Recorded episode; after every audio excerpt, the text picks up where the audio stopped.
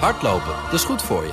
En Nationale Nederlanden helpt je daar graag bij. Bijvoorbeeld met onze digitale NN Running Coach... die antwoord geeft op al je hardloopvragen. Dus, kom ook in beweging. Onze support heb je. Kijk op nn.nl slash hardlopen. Politiek verslaggever Leonard Beekman. Leonard, goedemiddag. Goedemiddag. We gaan het uitgebreid hebben over de petitie Onverdeeld Open. De petitie van Mona Keizer tegen het corona-toegangsbewijs. Ruim 640.000 mensen hebben hun steun al betuigd. Voelt minister Ernst Kuipers deze druk al? Vroegen wij ons af. Ja, ik was vandaag bij hem na het uh, torentjesoverleg en hij komt nog wat koeltjes over. Hij zegt: Er is weerstand, dat zie ik. Maar er zijn ook heel veel mensen die nog kwetsbaar zijn en die moeten we beschermen. Maar toch heb ik hem iets horen zeggen wat ik Kuipers nog nooit zo duidelijk heb horen zeggen. We hebben geen enkele intentie op dit moment om 2G in te zetten. En 3G wordt op dit moment wel ingezet. Uh, en dat moet proportioneel zijn. Ik heb er ook bij aangegeven, op het moment dat we daar vanaf kunnen... dan uh, willen we daar dolgraag vanaf. Juist. Dolgraag vanaf. Op het moment dat we daar vanaf kunnen. En wat Mona Keizer betreft is dat moment nu aangebroken. Heb ik dat goed, mevrouw Keizer? Ja, wij vinden dus niet alleen Mona Keizer hoor, samen met uh, Jona Walk, uh, gepromoveerd op de werking van vaccinaties en arts in opleiding. En professor Ronald Meester, die um, uh, deskundig is in het doorgronden van modellen. Mm -hmm. met daar een hele groep onder, waaronder ook bijvoorbeeld de vierde golf. Um, studenten in verzet zeggen wij: stop nu ja. met die coronatoegangsbewijzen. Ja, nu zegt die minister, we horen het hem zeggen: ja, we moeten mensen ook beschermen. Hè, hun gezondheid beschermen, de kwetsbaren. Hoe, hoe denkt u daarover? Ja, wat je steeds ziet is dat het doel constant verandert. Uh, in, in de brief die hij naar de Kamer gestuurd heeft, gaat het over het openhouden van de samenleving. Nu gaat het over kwetsbare mensen. Uh, een maand geleden ging het over de IC-opnames, dan weer over de ziekenhuisopnames. Het, het, het zijn eigenlijk het, ja, een beetje spiegelpaleis van ja. redeneringen. Ja. En een coronatoegangsbewijs is gewoon een inperking van grondrechten. Die zijn niet absoluut absoluut. Dus je mag dat wel, maar dan moet je wel weten... wat is je doel? Zijn er andere instrumenten om dat doel te bereiken? Als dat niet zo is, dan kan je kijken naar een instrument... wat een grondrechtbeperking inhoudt. Maar dat moet dan effectief zijn. Ja. En we hebben nu 3G. Um, ja, hoe komen we dan in vredesnaam aan al die besmettingen? Zou ik ja, bijna dus u zegt zeggen. die effectiviteit die trekken wij in twijfel. Nou is er natuurlijk ook onderzoek gedaan door de TU Delft. En daar staat eigenlijk ook in dat met de huidige Omicron-besmettingen... dat inderdaad dat effect dan dus heel laag is. Dus u zegt wij zien nu momentum om dat af te schaffen. Die petitie is ruim 640.000 keer ondertekend. Um, had u dat verwacht? Um, um, uh, had ik dat verwacht? Uh, je hoopt het wel. Um, ik heb wel ontzettend veel mensen uit alle hoeken van de samenleving uh, gehoord. informeel, toen -hmm. ik in september terug uit de politiek stapte, nadat ik ontslagen was, natuurlijk moet precies formuleren.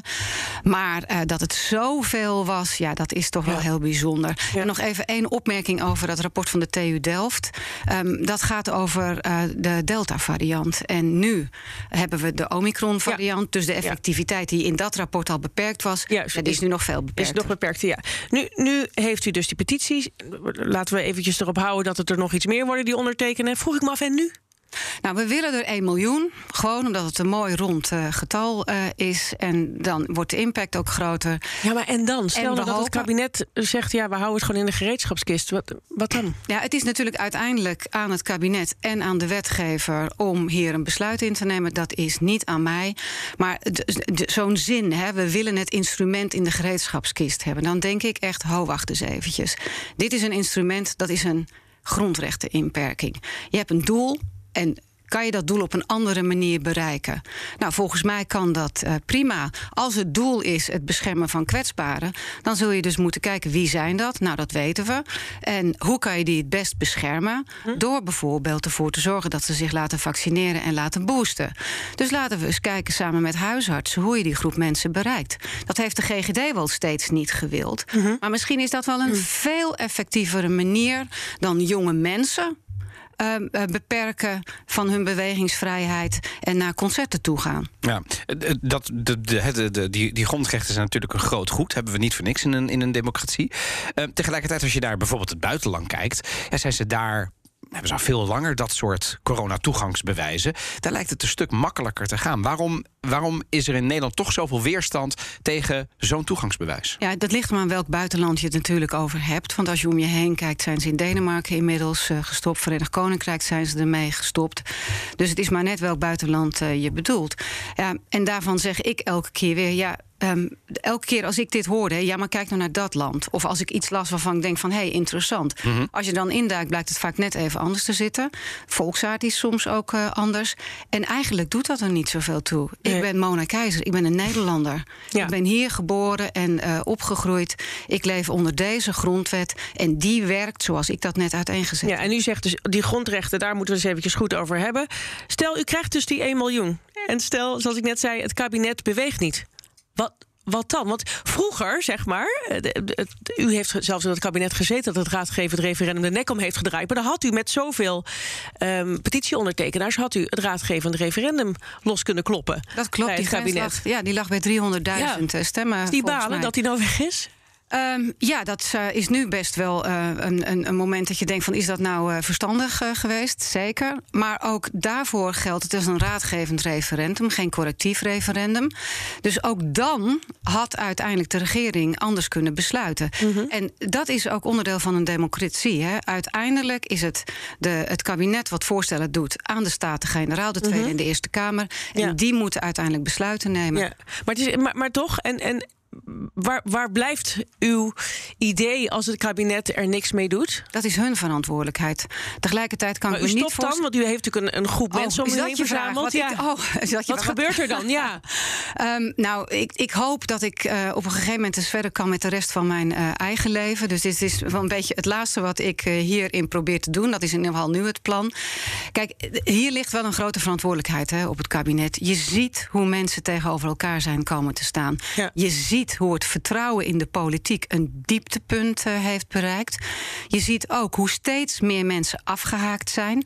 Uh, René Cuperus en Josse de Voogd hebben daar laatst een heel interessant uh, rapport over geschreven. De afgehaakten. Dat zijn niet alleen de lage betaalde mensen en de mensen die praktische opleiding gevolgd hebben. Inmiddels knabbelt dat ook de onderlaag van de middeninkomens af. Ja.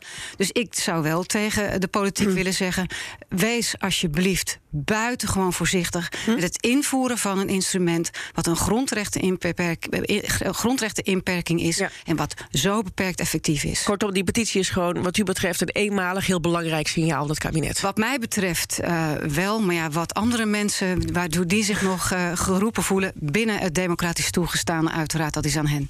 Mona Keizer, hartelijk dank. Ja, Leonard, terug naar jou. Ja, wel of geen CTB, dat gaan we dus meemaken. Hè. Voorlopig zitten we nog even met 3G. Wat we weten is dat de nachthoreca voorlopig nog even dicht blijft. Premier Mark Rutte was daar eind vorige week nog heel duidelijk over. Mieke Adriaans, de minister van Economische Zaken, heeft nog contact met de uh, machtclubs. Ik begrijp volledig dat die er ook helemaal klaar mee zijn. Maar het is gewoon op dit moment simpelweg niet mogelijk om dat nu te doen. Dat is echt een te groot risico nog. Die deuren gaan dicht blijven. Ja, die, die, wij, wij, zijn daar, uh, wij zullen dat uh, niet nu gaan verruimen meteen. Dat gaat niet. Nee, dat was eind vorige week. Er is vandaag een gesprek geweest tussen de nachthoreca en minister Adriaansus. En dat lijkt mij niet goed verlopen, want we krijgen net een bericht binnen dat de actie aanstaande zaterdag doorgaat. Klopt dat? Ja, aanstaande zaterdag is er, een, uh, is er een actie van de nachthoreca. Die willen gewoon open gaan. Dus als je een dansje wil doen, dan kan dat aanstaande zaterdag. Ze hebben dus een gesprek gehad met de minister, met de sector in Rotterdam. En ze hebben gezegd, de actie gaat door. Nou, wie daarbij was, was Pieter de Kroon, eigenaar uh, van een nachtclub in Amsterdam. En initiatiefnemer van de actie. Uh, Pieter, die hebben we hangen. Pieter. Ja, goedemiddag. Goedemiddag. Betekent dit ook dat het geen goed gesprek is geweest? Dat de actie aanstaande zaterdag oh. gewoon doorgaat? Nee, nee, zeker niet. Het was een hartstikke goed gesprek. En uh, het was heel fijn om even een keer gehoord te worden door de politiek. Want dat is twee jaar niet gebeurd. Dus uh, nee, het gesprek was goed hoor. Maar uh, het gesprek was goed, maar de actie gaat door. Dus u, dat, dan denk ik, als ik het plat sla, u heeft niet gekregen wat u wilde.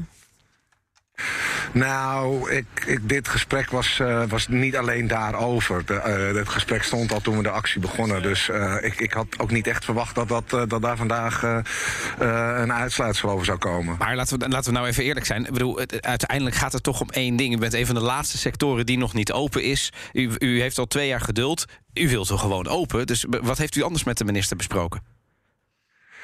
Nou, uh, nou ja, hoe we ervoor staan en hoe de afgelopen twee jaren zijn geweest. En uh, dat soort dingen. En ze heeft aangegeven dat in principe 15 februari het volgende weegmoment is. Nou ja, dat wisten we allemaal al. maar ze eindigt het gesprek wel met te zeggen dat ze deze week er wel mee aan de slag gaat. En dat ze hoopt dat ze vrijdag misschien iets van perspectief kan geven. Okay. Dat kon ze niet beloven. Dus dat is eigenlijk een beetje de strekking van vandaag geweest. en dan zeggen wij dan... Ja. We hebben nog iemand in de studio die zeg maar aan die kant heeft gezeten. De oud-staatssecretaris voor het MKB, Mona ja, Keizer. Ik, ik hoor Mark Rutte steeds zeggen... ja, wij moeten deze besluiten nemen. Wij hebben geen andere keuze. Kijk een beetje de andere kant op. Ja, en dat is niet waar. Je, je kunt ook andere besluiten hier nemen. Als je jezelf realiseert dat de bezoekers van nachtclubs... en van uh, grote concerten vooral jonge mensen zijn... Uh, kan je daar op een andere manier uh, mee omgaan. En ik denk dat het voor deze sector echt wel de hoogste tijd wordt. Ja. meneer De Kroon, zaterdag dus open, actie. Um, ja. hoe, hoe gaat ja. u dat organiseren? Uh, nou ja, de, in Amsterdam zijn al clubs al uh, uitverkocht. Dus uh, dat is al een goed begin. Maar kunnen we gewoon een good old uitgaansavond verwachten wat u betreft? Ja, in principe wel, ja. Ja. En ik heb al aangegeven, ook weer in dit gesprek... en dat sluit ook wel een beetje aan op Mona Keizer... Uh, de jeugd doet dit nu al, hè. Die, dit is, het is niet dat ze nu uh, tot, wachten tot wij open zijn. Ze zoeken elkaar al de hele tijd op. Ze zijn op huisfeesten, uh, illegale feesten. Dus dan kan je het beter bij ons in een gecontroleerde omgeving doen. En ja, dat hebben we vandaag ook heel duidelijk proberen te maken. Dus ja, ik hoop dat daar wat ja. mee gedaan wordt. En wilt u dat dan met het coronatoegangsbewijs... of zonder het coronatoegangsbewijs dat open gaat, meneer De Kroon? Wij wij doen dat nu met corona-toegangsbewijs, omdat de gewone horeca dat nu ook moet. Uh, vonden wij het wel zo een goed idee om dat ook te doen. Dank Pieter de Kroon van de Chicago Social Club in Amsterdam. Ook dank aan politiek verslaggever Leonard Beekman. En nogmaals ook dank Mona Keizer. Tot uw dienst. Business Booster. Hey ondernemer, KPN heeft nu Business Boosters. Deals die jouw bedrijf echt vooruit helpen. Zoals nu, zakelijk tv en internet, inclusief narrowcasting... de eerste 9 maanden voor maar 30 euro per maand. Beleef het EK samen met je klanten in de hoogste kwaliteit. Kijk op kpn.com businessbooster. Business Booster.